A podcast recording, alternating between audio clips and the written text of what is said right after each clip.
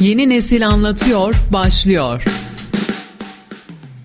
Merhaba sevgili Radyo Radar dinleyicileri. Gençlerin sorunlarının ve isteklerinin konuşulduğu Yeni Nesil Anlatıyor programına hoş geldiniz. Ben Yusuf Mehmet Başkal. Bugün iki değerli arkadaşımla beraberiz. Hoş geldiniz. Hoş, Hoş bulduk.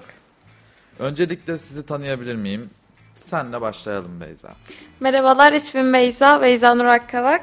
Ee, Erciyes Üniversitesi'nde harita mühendisliği son sınıf öğrencisiyim. Ee, Beyza neler yapıyorsun? Ee, Erciyes'te öğrencilik nasıl bir duygu? Birazcık bize bahsedebilir misin? Erciyes'te öğrencilik e, güzel bir duygu. Özellikle bu sene çok güzel etkinlikler olmaya başladı. Çok güzel etkinliklere katılıyoruz. E, Erciyes'te olduğum için gerçekten mutluyum. Özellikle bu sene pandemiden sonra yeniden okula gelebilmek çok güzel bir duygu. Peki e, sence e, eğitim konusunda memnun musun pandemiyle beraber okuldan şu an? Pandemi döneminde ben e, çok ciddi sıkıntılar çektim. Çünkü yaşadığım yerde maalesef internet altyapısı gibi çok ciddi sorunlar oldu. E, bu yüzden şehir değiştirmek zorunda kaldığım bile oldu. E, pandemideki eğitim sürecini e, okulumuz iyi yönetti ama tabii ki de her bölümde olduğu gibi ciddi eksiklikleri de vardı. Anladım. Peki bir de birazcık Fatma'yı da tanımak istiyorum. Ee, seni de tanıyabilir miyim? Merhabalar, ee, Fatma Nur Çalım. Erciyes Üniversitesi Gazetecilik son sınıf öğrencisiyim. Ee, Fatma gazetecilikten memnun musun ee, üniversite olarak, okul olarak? Ne düşünüyorsun? Evet, Erciyes'e geldiğim için mutluyum tabii ki. Zaten gazetecilik bölümünde sayılı üniversitelerden biri. Ee, pandemi girdiğinde staj konusunda falan biraz zorluklar oldu ama yine de toparladık son seneye göre. Peki e, senin memleket neresiydi? Ben Hataylıyım. Hatay ile Kayseri'yi kıyaslayacak olursan e, ne düşünüyorsun? Ee, yani kıyaslamak demeyelim de iki tarafın da iyi yönü kötü yönü var. Yani üniversite bakımından tabii ki Kayseri bir, bir tık daha önde ama Hatay'ı da es geçmemiz lazım. Hatay güzel şehirdir. yani. Sonuçta Akdeniz bölgesinde evet. e, güzel bir şehir. Peki e, Beyza ile devam etmek istiyorum. Beyza e, sence bir çocuğun ailede eğitimi nasıl olmalı? Ee, bir çocuğun gerçekten en önemli temeli ailede aldığı eğitimdir. Çünkü onun nasıl bir insan olacağını ailedeki eğitimi belirliyor. Eğer ailede iyi bir eğitim aldıysa, ailesi ona iyi bir terbiye verdiyse gelecekte de onun yetiştirdiği nesiller aynı şekilde devam eder. Ama aileden aldığı yanlış eğitim, aileden aldığı kötü eğitim çocuğun ileride kendi kurduğu ailesinde de aynı şeyleri göstereceği için e, böyle kötü nesil demeyeyim de hani yanlış hareketler yapabilecek nesiller doğmasına sebep açabilir. Böyle Peki e, şu andaki günümüz gençliğinin sorunları neler sence? Günümüz gençliğinin sorunları. Ee, günümüz gençliğinde bir acelecilik söz konusu bence. Çünkü elimizdeki telefonlar, e, şu andaki yaşadığımız, içinde bulunduğumuz teknoloji hayatın ciddi anlamda hızlanmasına sebep oldu. Ee, buna son dönemlerde özellikle pandemide ortaya çıkan e, bu kuryelerin de örnek verebiliriz. Mesela oturduğumuz yerden yemeğimiz 10 dakika sonra ayağımıza gelebiliyor. Bu da insanlarda bir acelecilik e, doğurdu. Ee, telefonda dünyanın diğer ucunu görebiliyoruz. Dünyanın diğer ucunu gördüğümüzde de kendimizi ister istemez diğer gençlerle kıyaslama gibi bir durum söz konusu oluyor. Bu da bence günümüz gençliğinde ciddi bir dediğim gibi aceleciliğe hani olması istedikleri şeyin bir an önce olmasını istiyorlar. Ee, bu da daha az çabaya ve daha az çalışmayı yönlendiriyor olabilir gençleri. Peki e, çok güzel bir yere değindin. Teknolojik gelişmelerden dolayı bu durumda dedin. Peki şöyle bir şey soracağım. Senin mesleğin özelinde çok fazla teknolojiyle iç içe olman lazım. Evet. Ee, ama hani teknolojiyle iç içe olmak için de hani bilgi sahibi olmak lazım. Sen teknolojiyi bilerek kullanıyor musun? Yani şöyle söyleyeyim. Hani e, teknolojiyi kullanırken Evet. bilgi sahibi olarak mı kullanıyorsun yoksa gelişi güzel mi kullanıyorsun? Ya şöyle, e, şimdi teknoloji olarak eğer mesleki açıdan düşünürsek ben bu işin eğitimini aldığım için bilinçli olarak kullanıyorum. Ama diğer şey, e, diğer teknolojik ürünlere baktığımızda tabii ki diğer insanlar gibi ben de deneyimliye deneyimliye bir bilgi sahibi oluyorum. Yani aslında hani e, teknoloji belli bir yerden sonra aslında insanı insanlıktan da çıkarabiliyor baktığın zaman. Geçen Ya, hafta da konuşmuştuk bu konuyu. Özellikle sosyal medyada Twitter e, artık bir mahkeme oldu. Evet. E, yani açık mahkeme oldu. İnsanlar tepkilerini oradan gösterebiliyorlar ama doz tabii ki belli bir süre sonra aşıyor. E, bu e, özellikle sosyal medyada aslında çok bilinçli kullanmıyoruz diye düşünüyorum. Bilmiyorum katılır mısın? Ya aslında katılıyorum evet bunu çünkü insanlar e, orayı şöyle zannediyorlar hani oradaki yazdıkları insanların duyguları yokmuş gibi ya da onlar sanki bir film karakteriymiş gibi yazıyorlar. Oysa ki o yazdıkları insanlar evet her ne kadar suçlu olsalar da iş bu sefer onların ailelerini kötülemeye başka şeylere giriyor fazla yargılamaya giriyor. Ya fazla yargılamanın sonucu da insanlarda ciddi bir psikoloji sorununa yol açabiliyor bence. Tabii ki. Peki 10 yıl sonra kendini nerede görüyorsun Beyza? 10 yıl e, çok güzel bir süre. Yani birçok şeyin yapılabileceği, birçok hedefin gerçekleştirebileceği bir süre. Ben böyle çok hayalleri olan, hedefleri olan bir insanım. E, ama 10 yıl sonra bunların hepsini gerçekleştirmiş ve bir şekilde orada hani 10 yılın sonunda dinleniyor olarak görüyorum kendimi. Peki hedeflediğin bir yer var mı? Hani ben şurada bulunmak istiyorum veya burada e, şunu yapmak istiyorum dediğin bir yer var mı? Bize anlatabilir misin? Hedeflerim e, şöyle e, ilk başta bir devlet kurumuna girip bir memur olarak hani mesleğimde çok sağlam bir deneyim kazanmak istiyorum. Sağlam bir altyapı oluşturmak istiyorum. Bu altyapıyı oluşturduktan sonra da kendime ait bir şirket kurup bu şirketle yurt içi ve yurt dışı bazlı işler yapmak istiyorum. Aslında e, günümüz gençlerinden uzak olan hedefler baktığımız zaman çünkü birçok insanın artık pandemide girmesiyle birlikte hedefleri kayboldu. Yani bugün üniversitede e, belki de mezun olamayacak insanlar mezun oldu şu an ve barajın da kalkmasıyla birçok yeni öğrenci girecek baraj olmadan. Evet. E, bu da tabii ki eğitim sistemini de biraz zorlayacak. Yani inşallah hedeflerine başarırsın. İnşallah umarım. Peki boş zamanlarında hangi sosyal aktiviteleri yapıyorsun? Ya şöyle e, aslında pek boş zamanı olan bir insan değilim. E, şu açıdan okulum çok yoğun, çok fazla ders yüküm var bu dönem. E, ama elimden geldiğince kendime vakit ayırmaya çalışıyorum ve bu ayırdığım vakti de boş vakit olarak nitelendirmemeye çalışıyorum. E, genelde sinemaya giden, yürüyüş yapan, bisiklet süren, kitap okuyan bir insanım. Hani bunları aktivite olarak söyleyebiliriz. Gerçekten hani yani boş zaman olarak görmemen de çok güzel aslında yani zaman değerli sonuçta. Evet. Ee, peki sence hani az önce de girdik birazcık ama biraz ayrıntı vermeni isteyeceğim. Türkiye'deki gençlerdeki en büyük problem ne? Ne görüyorsun? Yani hani teknoloji dışında başka ne gibi problemler var? Ya şöyle e, şu anda içinde bulunduğumuz zaman aslında çok rahat bir dönem. Şu açıdan rahat bir dönem. E, gelişen dünya ile birlikte artık çoğu şey çok kolaylaşmaya başladı. Yani eskiden hani evlerde su olmazmış, başka şeyler olmazmış. Bu gibi sorunlardan şu an çok farklı bir çağdayız ve yaşadığımız hani birlikte yaşadığımız büyük insanlar e, günümüzü sanki hala öyleymiş gibi görmeye devam ediyorlar. Bunu yani şey sokak röportajlarında da fark ediyoruz zaten. Ya mesela şöyle bir şey oluyor hani ee, biz eskiden nasıldık Evet. muhabbeti oluyor yani genelde de- dedeler büyük insanlarla denk geldi eskiden böyle miydi? Ya şöyle Eskiden biz yiyecek ekmek bulamazdık. Aynen. Hey diyor böyle. Ona mesela. girmeye çalışıyordum. Evet şöyle e, şu anda çoğu aile ben bunun biraz yanlış olduğunu düşünüyorum. Çocuklarını çok rahat yetiştiriyorlar. Yani rahata alışmış bir şekilde yetiştiriyorlar. Bu da maalesef gençlerde ilerleyen dönemlerde e, karşılarına çıkan en küçük bir zorlukta bile vazgeçmelerine, çabalamamalarına sebep oluyor. Bu da maalesef yani vazgeçmek bence gençlerin en büyük sorunu. Kimse vazgeçmemeli kolay kolay. Ya aslında baktığın zaman vazgeçmekten daha çok gençler ne istediğini bilmiyor. Yani bu ben de dahil, sen de dahilsin, Fatma da dahil. Ee, buradaki mesela Hüseyin, e, yayıncımız Hüseyin de dahil.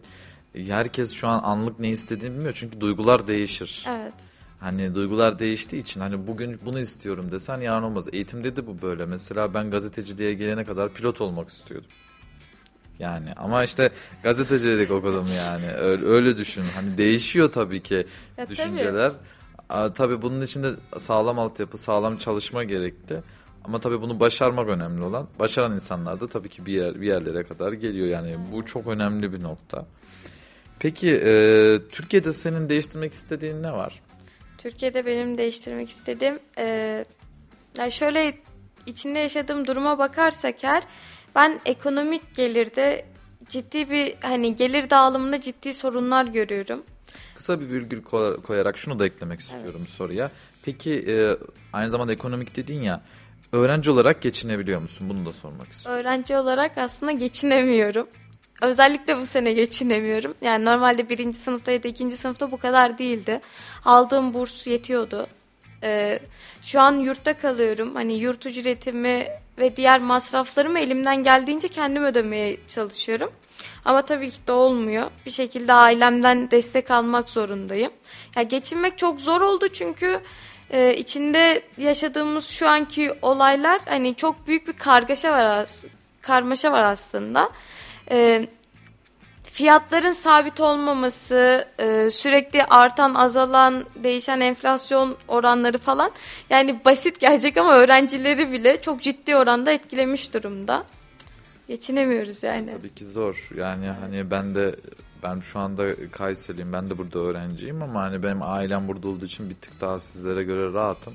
Ama ben Çanakkale'de yaşadığım dönemde biliyorum. Hani o zaman da hani bu kadar değildi ekonomi ama zor durumda değildik ama şu anda e, o zaman da biz geçinemiyorduk yani zordu. Öğrenci olmak gerçekten zor. Bir de öğrenciye e, başka şehirlerde farklı gözle bakıyorlar. Daha çok yüksek fiyat, daha çok hani alım gücünü düşürme, işte öğrenciye ev vermeme gibi gibi gibi birçok sıkıntılar var. Öğrenci olmak zor Türkiye'de açıkçası. Evet kesinlikle.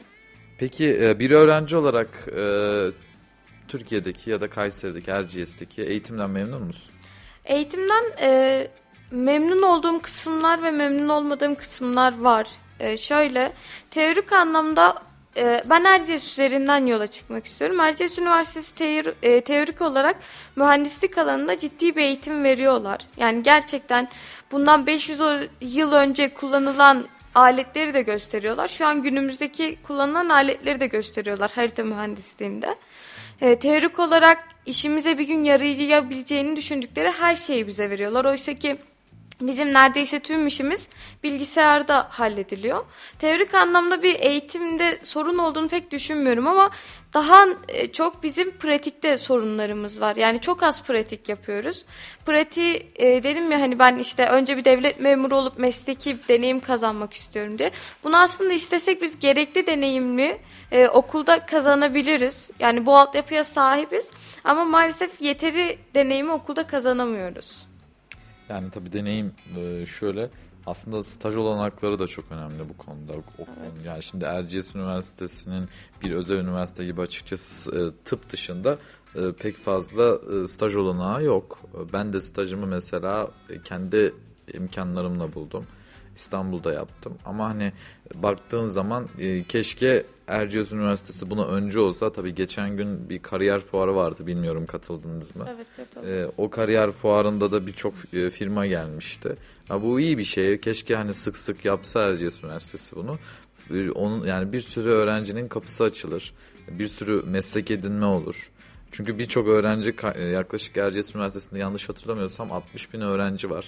Evet. Ee, bu öğrencilerin e, yani mezun olduktan sonra bir kısmı işsiz kalıyor derslerini hani tabii ki bazı öğrenciler okumak için okuyor. O ayrı bir konu ama e, bu durumda tabii e, bunların geliştirilmesi gerektiğini düşünüyorum.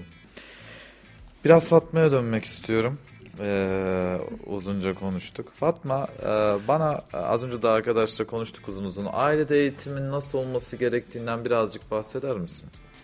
Yani öncelikle tabii ki ailelerin, ebeveynlerin e, çocuğa ilk doğduğun, doğduğundan itibaren saygı çerçevesinde, sevgi çerçevesinde büyütmesi lazım.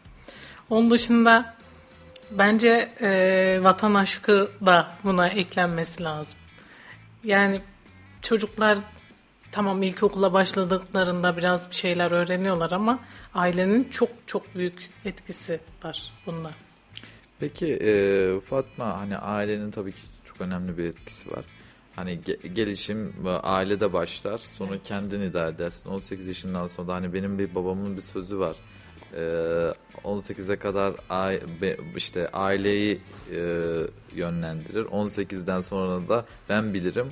Evet. Sonra da evlendikten sonra babam bilmez ben bilirim lafı var. Aynen. Hani bunu ge- geliştirebilmek, e, yetiştirebilmek aslında çok önemli. Peki e, Fatma 10 yıl sonra kendini nerede görüyorsun? Gazetecilik dalında mı kalacaksın e, yoksa başka şeylerde çalışacak mısın? Ya aslında ben sen senin de dediğin gibi gazetecilik kazanmadan önce pilot olmak istiyordum. Ben de e, aşçı olmak istiyordum. Gastronomi aslında. Aynen güzel. aynen. Ee, ondan sonra işte gazetecilik oldu. Aslında sevdim. Yani ilk sene biraz zorlandım ama şimdi baktığımda gazetecilik mesleğini sevdim. Yapabilirim. İnşallah da 10 yıl sonra kendimi devlet dairesinde ya da başka özel şirketlerde görmek isterim yani. Peki KPSS'ye girecek misin bu yıl? Bu yıl? Bu sene KPSS'ye girmeyi düşünmüyorum aslında. Biraz dinlenmeyi düşünüyorum. Yani aslında Ama kendini tabii ki denerim. Evet. Peki e, Fatma boş zamanlarında ne gibi aktiviteler yapıyorsun? Az önce arkadaşınla da konuştuk. Evet. E, o da söyledi kitap okuma e, falan gibi. Var var mı yapmış olduğun aktivite? Yani benim de tabii ki kitap okumayı severim. Müzik dinlemeyi severim. Yani çok boş zamanım oluyor benim. Beyza gibi çok zamanım olmuyor diyor falan ama benim boş zamanım oluyor. Ben de kitap okumayı severim. Yüzme, yüzmeyi severim. Yani öyle şeyler yaparım ya. Aslında hani Hoş. e, yani öğrencilerin Kayseri'deki en büyük sorunu sosyal aktivite. Evet. Ya sosyallik yok bu şehirde. Yani tabii ki bir buçuk Biraz. milyonluk bir şehiriz ama öğrenci şehri bir taraftan baktığında. Ama hani şey yok. O böyle bir öğrencinin ya da turistin geldiği zaman işte e, eğlenebileceği, gezip rahatça dolaşabileceği bir Evet. şey yok. Bu da sıkıntı. Peki sence Türkiye'deki günümüz gençlerinin sorunları neler? Ben biraz Beyza ekonomi dedi ama bence işsizlik senin de dediğin gibi şimdi barajlar kalktı. Bütün herkes yani üniversiteye girebilir ama üniversiteyi bitirdikten sonra insanların iş bulması çok zorlaştı şu zamanda. Bence en büyük sorun işsizlik ve gençlerin işsizliği bir de. Yani yaşlı kesimdir işte emeklidir falan filan onlar geçiyor da bence e, genç yani 20 ile 30 yaş arası sınırlandırırsam çok büyük işsizlik sorunu var. Tabii bunun aslında çözülmesi lazım. Benim bir de hani gençlerin en büyük sorunu şu anda aslında beyin göçü.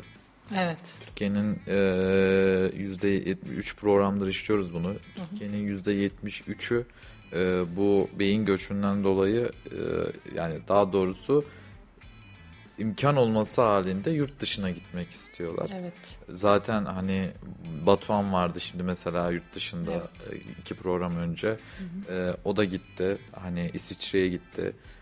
Yani insanlar Türkiye'de durmaktansa Türkiye'ye bir şey yapmaktansa fayda sağlamaktansa aslında belli bir yerden sonra ekonomik nedenlerden dolayı yurt dışını tercih ediyorlar. İnşallah bir an önce tabii ki bu değişir. Düzelir. Bence yani bence bizim kalkındırmamız lazım. Yani önce bir Türkiye'nin bir tık düzel, düzelip insanların bence yurt dışına gitmesi için sadece tatil amaçlı gitmeleri lazım. Onun dışında yani çalışmak için yurt dışına çok giden var. Almanya'ya, Fransa'ya. Benim arkadaşımın da babası falan gidiyor ama bence bunu hani Türkiye'de kazanamıyorum diye değil. Bunu bir tatil amaçlı yapabilirler. Onun için de önce Türkiye'nin düzelmesi lazım. Evet. Ekonomik anlamda Evet. ve gençlerin istihdamı anlamında. Evet. Yani neden olmasın ki Türkiye Aynen. e, müthiş bir pazara sahip bir Kesinlikle. ülke. Hani geçmişte tabii ki öyleydi. Şimdi ekonomi çok zor durumda. İşte her gün bir zamla uyanıyoruz Evet. aslında. Peki e, Beyza'ya döneyim biraz da. Beyza e, az önce biraz giriş yaptık ama e, senin beyin göçüyle ilgili düşüncelerin neler? Ee, beyin göçü bence çok gerekli bir şey aslında. Çünkü şöyle genele baktığımızda dünyada hiçbir ülke e, tam anlamıyla her konuda gelişmiş değil. Her ülkenin kendine özgü eksiklikleri var ve kabiliyeti olan insanların eğer ülkesinde yeteri sayıda mesela e, kendim üzerinden gitmek istiyorum. Mesela eğer ülkemizde yeterince harita mühendisi varsa ve başka bir ülkede bana ihtiyaç varsa benim oraya kalkıp gitmem bence normal karşılanmalı. Ya da e, bana burada yeterli istihdam açılmalı ki ben önce kendi ülkemde çalışmalıyım. Yani beyin göçünü ben aslında normal olarak görüyorum yani şu anki günümüz şartlarında. Ama tabii ki ülkemizde yani ülkemiz bazında bakarsak eğer e, çok yetenekli insanlar var ve maalesef bu yetenekli insanlar yurt dışına çıkıp orada bir hayat kurmaya devam ediyorlar. Oysa onlara yeterli ortam hazırlanmış olsa eminim Türkiye böyle olmazdı. Ya tabii ki işte zaten en büyük nokta da orada başlıyor ya zaten eğer o imkanlar sağlandığı zaman Türkiye'nin e, kalkınmaması için gereken hiçbir şey yok. Evet. Yani mesela bir Amerika'daki bir Silikon Vadisi'ni düşün. Birçok Türk çalışıyor orada. Evet. Burada göremedikleri değeri orada görüp çok büyük yerlere geliyorlar. Mesela Microsoft'ta çalışan bir sürü Türk var. Facebook'ta çalışan bir sürü Türk var. Yani e, buralarda önemli yerlerde çok büyük insanlar e, çıkıyor ama tabii Türkiye buna sahip çıkamıyor. Çıkması da gerekiyor. Bugün Erciyes Üniversitesi'nde birçok öğrenci var mesela. Evet. Birçoğu da öyledir. Hani iyi derece yapan öğrencilerin çoğunluğu öyledir. Yani inşallah tabii ki bu düzelir. Ya tabii ki ya bence Türkiye'de ciddi bir pazar eksikliği var her alanda. Yani uygun ortam sağlansa dediğim gibi biz gelişmekte olan bir ülkeyiz ve uygun ortamı bekliyoruz sadece. Çünkü gençler çok zeki. Özellikle bizden sonra gelen dönem ciddi bir zekaya sahip. Yani Türkiye çok rahat yükselebilecek bir ülke. Sadece dediğim gibi uygun pazara ihtiyacımız var. Peki e, bu uygun pazar demişken bu soruyla ilişkilendireceğim. Şimdi Türkiye'deki eğitim sisteminde istediğin bilgiye ulaşabiliyor musun? Yani beyin göçünün en büyük nedenlerinden biri istediğin bir bilgiye ulaşamamak, istediğin şeye ulaşamamak. Evet. Türkiye'de de buna ulaşabiliyor musun yani şu andaki eğitim sisteminde? Memnun musun? Şu andaki eğitim sisteminde e, eğitim sistemimiz aslında biraz garip. Çünkü ben mesela 8. sınıftayken sınav sistemimiz değişti liseye giriş. Ben yine 12. sınıftayken sınav sistemimiz değişti. Bu çok sık olan bir şey ve maalesef bunu yanlış dönemlerde yapıyoruz. Hani uygun altyapıyı hazırlamadan bir yeni bir sınava geçiş yapıyoruz ya da işte e, eğitim içeriğini değiştiriyoruz. Benim kardeşim üniversite sınavına hazırlanıyor. E, eve gittiğimde onun kitabına baktığımda benim zamanında çözdüğüm sorularla onun çözdüğü soruların çok farklı olduğunu gördüm. Biz şu an doğru şeyi arıyoruz. Bunun farkındayım. Doğru şeyi arayarak e, aramak için değiştiriyorlar. E, doğru bilgiye, gerçek bilgiye ulaşmak günümüzde bence zor bir şey. Çünkü internet dediğimiz ortam çok fazla bilgiye ve çok fazla kirliliğe sahip.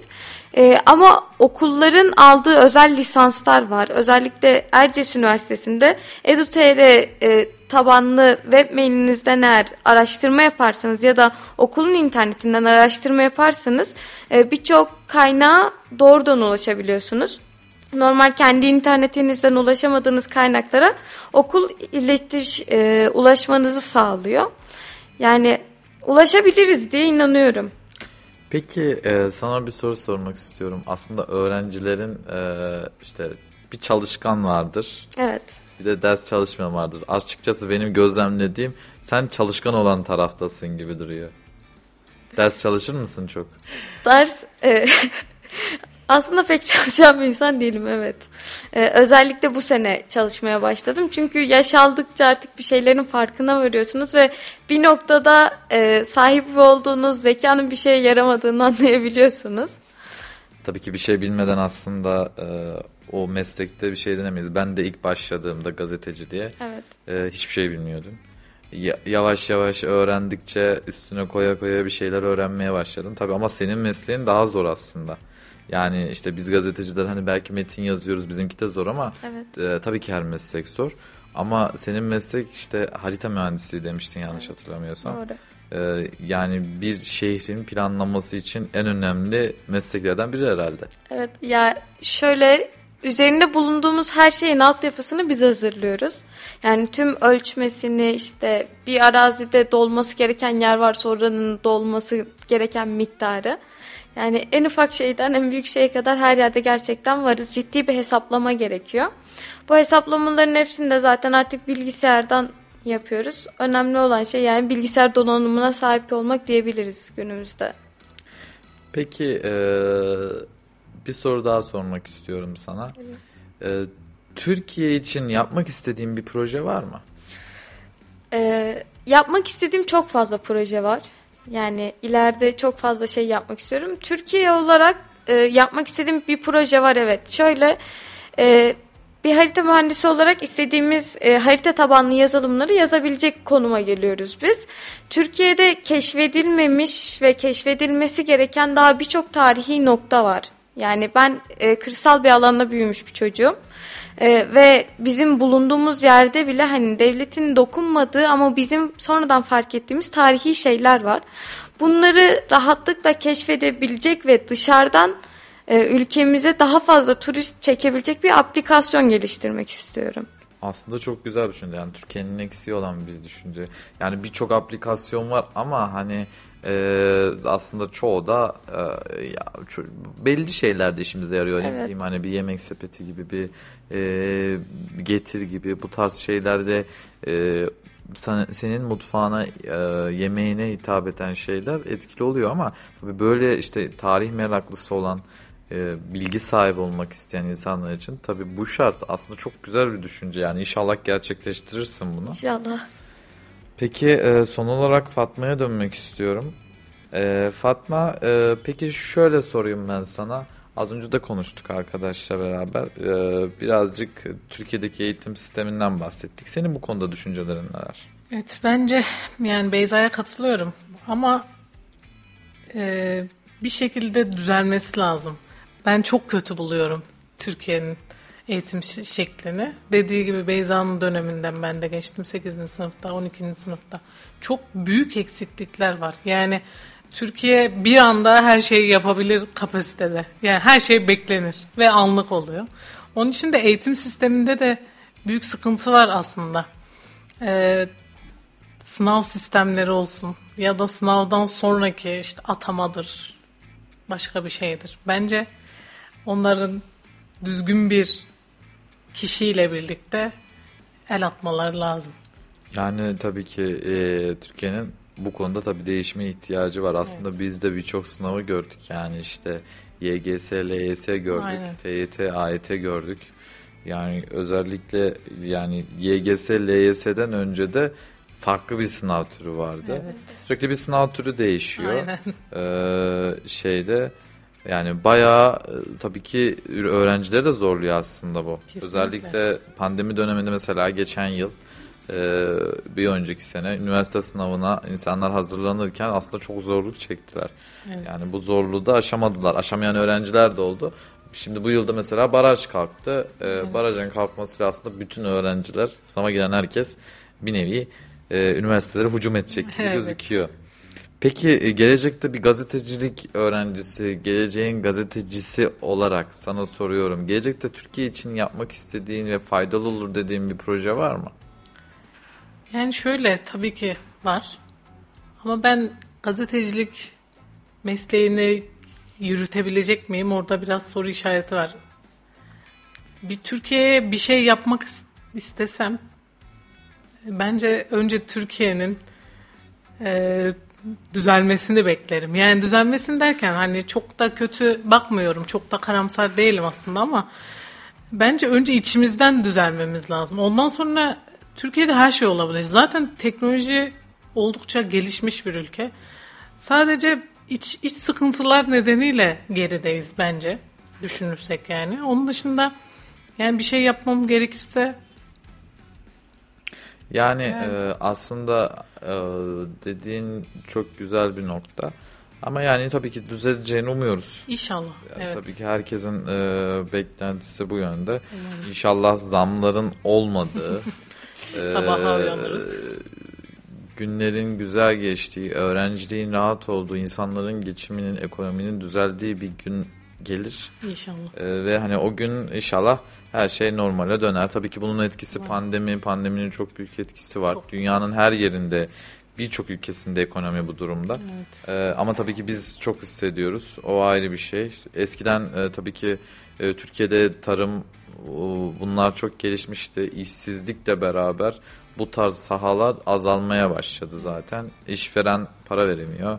Ee, ve bu yüzden de ürün alamıyor, mal al- alamıyor, bir şey alamıyor. Kesinlikle. Bu yüzden de üretim yapamıyoruz. İnşallah üretim yaptığımız o eski dönemlere inşallah döneriz. İnşallah. Ee, beklentim o yönde. Peki Beyza sana dönmek istiyorum. Ee, yapmış olduğun bir spor var mı? Herhangi bir sporla ilgileniyor musun? Ee, lisede ben bocce oynuyordum. Bocce çok bilinmeyen bir spor. Ee, böyle nasıl anlatsam avuç içi büyüklüğündeki demir bilyelerle oynanan ve konsantre gerektiren bir spor. Ee, lisansım var yani o yüzden bocce'ye örnek verdim. Onun dışında küçüklüğümden beri abimlerle birlikte top oynayan bir çocuktum. Yani futbol futbola karşı da bir ilgim var yani hem izlemek olsun hem oynamak olsun. Hangi takımlısın? Beşiktaş. Beşiktaş. Yani, peki e, futbol da oynuyordun abinlerde. Evet oynuyordum. Oynarım da yani hala. Vallahi çok güzel ya. Teşekkür Biz bayağıdır e, halı saha yapmak istiyoruz arkadaşlar aslında. Forvet eksiğiniz olursa gelirim. Bayağıdır yapamıyoruz da. E, Hüseyin de buradan diyor gidemiyoruz diyor halı sahaya. Yani inşallah yakın zamanda yapacağız arkadaşlarımızla. Yani e, peki Beşiktaş'tan memnun musun? Hadi bir e, soru sorayım sana futbolda. Ya ben şu anki genel anlamdaki Türkiye futbolundan memnun değilim. Dün milli maçı izledin mi peki? Yok hayır izleyemedim. Peki İzleyemedim. neden memnun değilsin? Ee, ya şöyle aslında futbol genel anlamda dünya genelinde bir istatistiğe dönmeye başladı. Ee, bunun temeli de şeye dayanıyor. Hatırlarsanız eğer Brezilya ve Almanya maçı vardı. Almanya'nın yanlış hatırlamıyorsam 6 farkla yendiği maçta. 7-1 Dünya- bitmişti. Evet. 7-1 evet 6 farkla yenmişlerdi. Bu ilk olarak o maçta başladı. Almanya şöyle bir şey taktik izledi. Teknolojiyi futbola kattı ve bir istatistik kurumuyla anlaşıp Brezilya'nın o zamana kadarki tüm futbolcularının istatistiğini çıkardı. Ve bu istatistiklere uygun bir maç e, yani oyun ortaya sergilediler ve 7-1'lik bir skorla yendiler.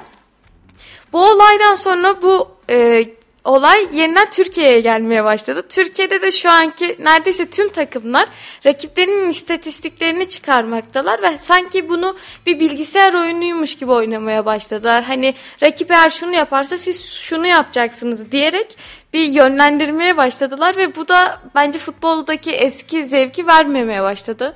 Yani 8 yaşındayken 2008 yılındaki izlediğim bir futbol maçıyla şu anki izlediğim futbol maçı kesinlikle aynı değil. Tabii ki yani mesela 2008 yılında ben e, tuttuğum takım en son 2008 yılında Şampiyonlar Ligi'ne gitmişti. E, o yüzden hani e, yayıncımız da zaten aynı konudan muzdarip.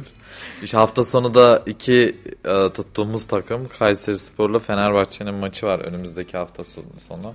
Yani inşallah hani e, beraberlik çıkar diyoruz. Ee, yani tabii ama futbolla ben istatistik olarak bu şekilde yaptıklarını açıkçası bu kadar futbolla içli dışlı bir insan olarak yani tabii basketbolda bu kullanılıyor. İstatistik Evet. çok önemli basketbolda. Voleybolda da kısmen önemli ama futbolda bu kadar ben açıkçası bilgi sahibi değildim. Gerçekten aydınlandım yani bu konuda. Özellikle e, hani o 7-1'lik maçta ben çok şaşırmıştım. Yani sebebinin bu olduğunu gerçekten ilk defa öğreniyorum. Yani ama peki Beşiktaş'ı e, doğduğundan beri mi tutuyorsun? Hayır doğduğumdan beri değil. Ee, biz Tokatlıyız ama benim ailem çocukluğumdan beri Trabzonsporlu. Ve ben bir yaşıma kadar kendimi Trabzonsporlu zannediyordum. Çünkü babam Trabzonsporlu, abim Trabzonsporlu. Hani sürekli bir Trabzonsporlu lafı dönüyordu evde. Sonra ben büyüdükçe fark ettim ki aslında Trabzonsporlu değilmişim, Beşiktaşlıymışım. Beşiktaş'a bir geçişim oldu 12 yaşındayken. Maçları takip ediyor musun peki? Ya şu an takip etmiyorum. Dediğim gibi sıkıcı olduğuna inandığım için. Ama eskiden gerçekten ciddi ciddi takip ederdim. Valla ben e, son yıllarda e, acayip soğudum futboldan zaten Ben de. de. Ya hani geçtiğimiz iki dönem içerisinde futbol gerçekten hani izliyorum. Bütün maçları kaçırmam. Evet. E, aşağı yukarı 3-4 maçı izlerim. E, ve hani her hafta sonuki bütün maçları aşağı yukarı kaçırmazsam takip ederim. Kayseri'deki ikinci yarıdaki Kayserispor'un bütün maçlarına gitmişimdir. Ama hani futboldaki eski zevk, eski heyecan kalmadı. Her an her şey olabiliyor. Evet. E, takım yenerken kaybedebiliyor. Tabii ki bu futbol ama hani bir yandan da işte yeni, tuttuğunuz takım yenilince üzülüyorsunuz. Kayseri Spor mesela son 4 haftadır hem Kayseri şehrine hem bizi üzmüştür. İki tane 3-0 2-0'dan 3-2 maç verdiler. Bu gerçekten üzücü. Peki Fatma sen hangi takımlısın? Ben de Galatasaraylıyım doğuştan. Evet. Peki e, Galatasaray'ın durum hakkında konuşalım birazcık da. Sen de bilgi sahibi gibi duruyorsun. yani Galatasaray hmm, son zamanlarda sen de biliyorsun zaten bu bir şeyler değişiyor. Fatih Terim gidiyor geliyor. Yani Pek bir düzene oturamadı bir ama çok 15. sıkıntılı. sıradasınız birazcık. Evet. Ama sen de bence sen şu şu yüzden şey e, maçları falan zevk almıyorsun. Fener biraz aşağıda olduğu için. Yoksa Fener şu an birinci sırada olsa Mehmet kesinlikle futbola futbola aşığı, futbol bütün maçları izleyen biri olarak çıkardın. Yani tabii ki bütün maçlarını kaçırmıyorum. Şu anda da izliyorum. Şu anda da sinirleniyorum. Hani e, tabii ki hani bir futbolu takip ederken en önemli verdiğim şey seyir zevki. Şu anda totalde 31 haftada en zevk aldığım maç 2 hafta önceki Alanya Spor maçı. Onda da 5 gol attık zaten. Yani hani bu e, tabii ki şey etken. Yani tabii ki futbolla ilgilenmeniz gerçekten e, yani şu an şu dönemde erkekler futboldan uzaklaşmışken Evet, kadınların evet. futbolla Ben de Beyza'nın dediği ilgilenmesi gibi gerçekten Oynardım yani. Ben kuzenlerim falan hep e, aynı yaştaydık ama hep erkek kuzenlerimle aynı yaştaydık. Onlarla birlikte ben de çok top oynardım ama ortaokulda ben ilk başta voleybol oynamaya başladım liseye kadar. Orada Voleybol da çok da bilinç, spor birinciliklerimiz var aynen okul olarak. Peki sen hangi sporları yapıyorsun? Ben voleybol Olan oynamayı varsa. çok severim. Yani bir hatta imkan olsa kızlarla bir ara konuşmuştuk gidecektik de. Profesyonel değilim ama iyi bilirim yani voleybol oynamaktan da zevk alırım. Voleybol zevkli bir spor. Evet. Bu tam bir sinir atmalık spor aslında. Neyse. Ee, evet sevgili Radyo Radar dinleyicileri Yeni Nesil Anlatıyor programı sona erdi. Bir sonraki hafta görüşmek üzere. Hoşça, kal- hoşça kalın, sağlıklı kalın, esen kalın. Yeni nesil anlatıyor sona erdi.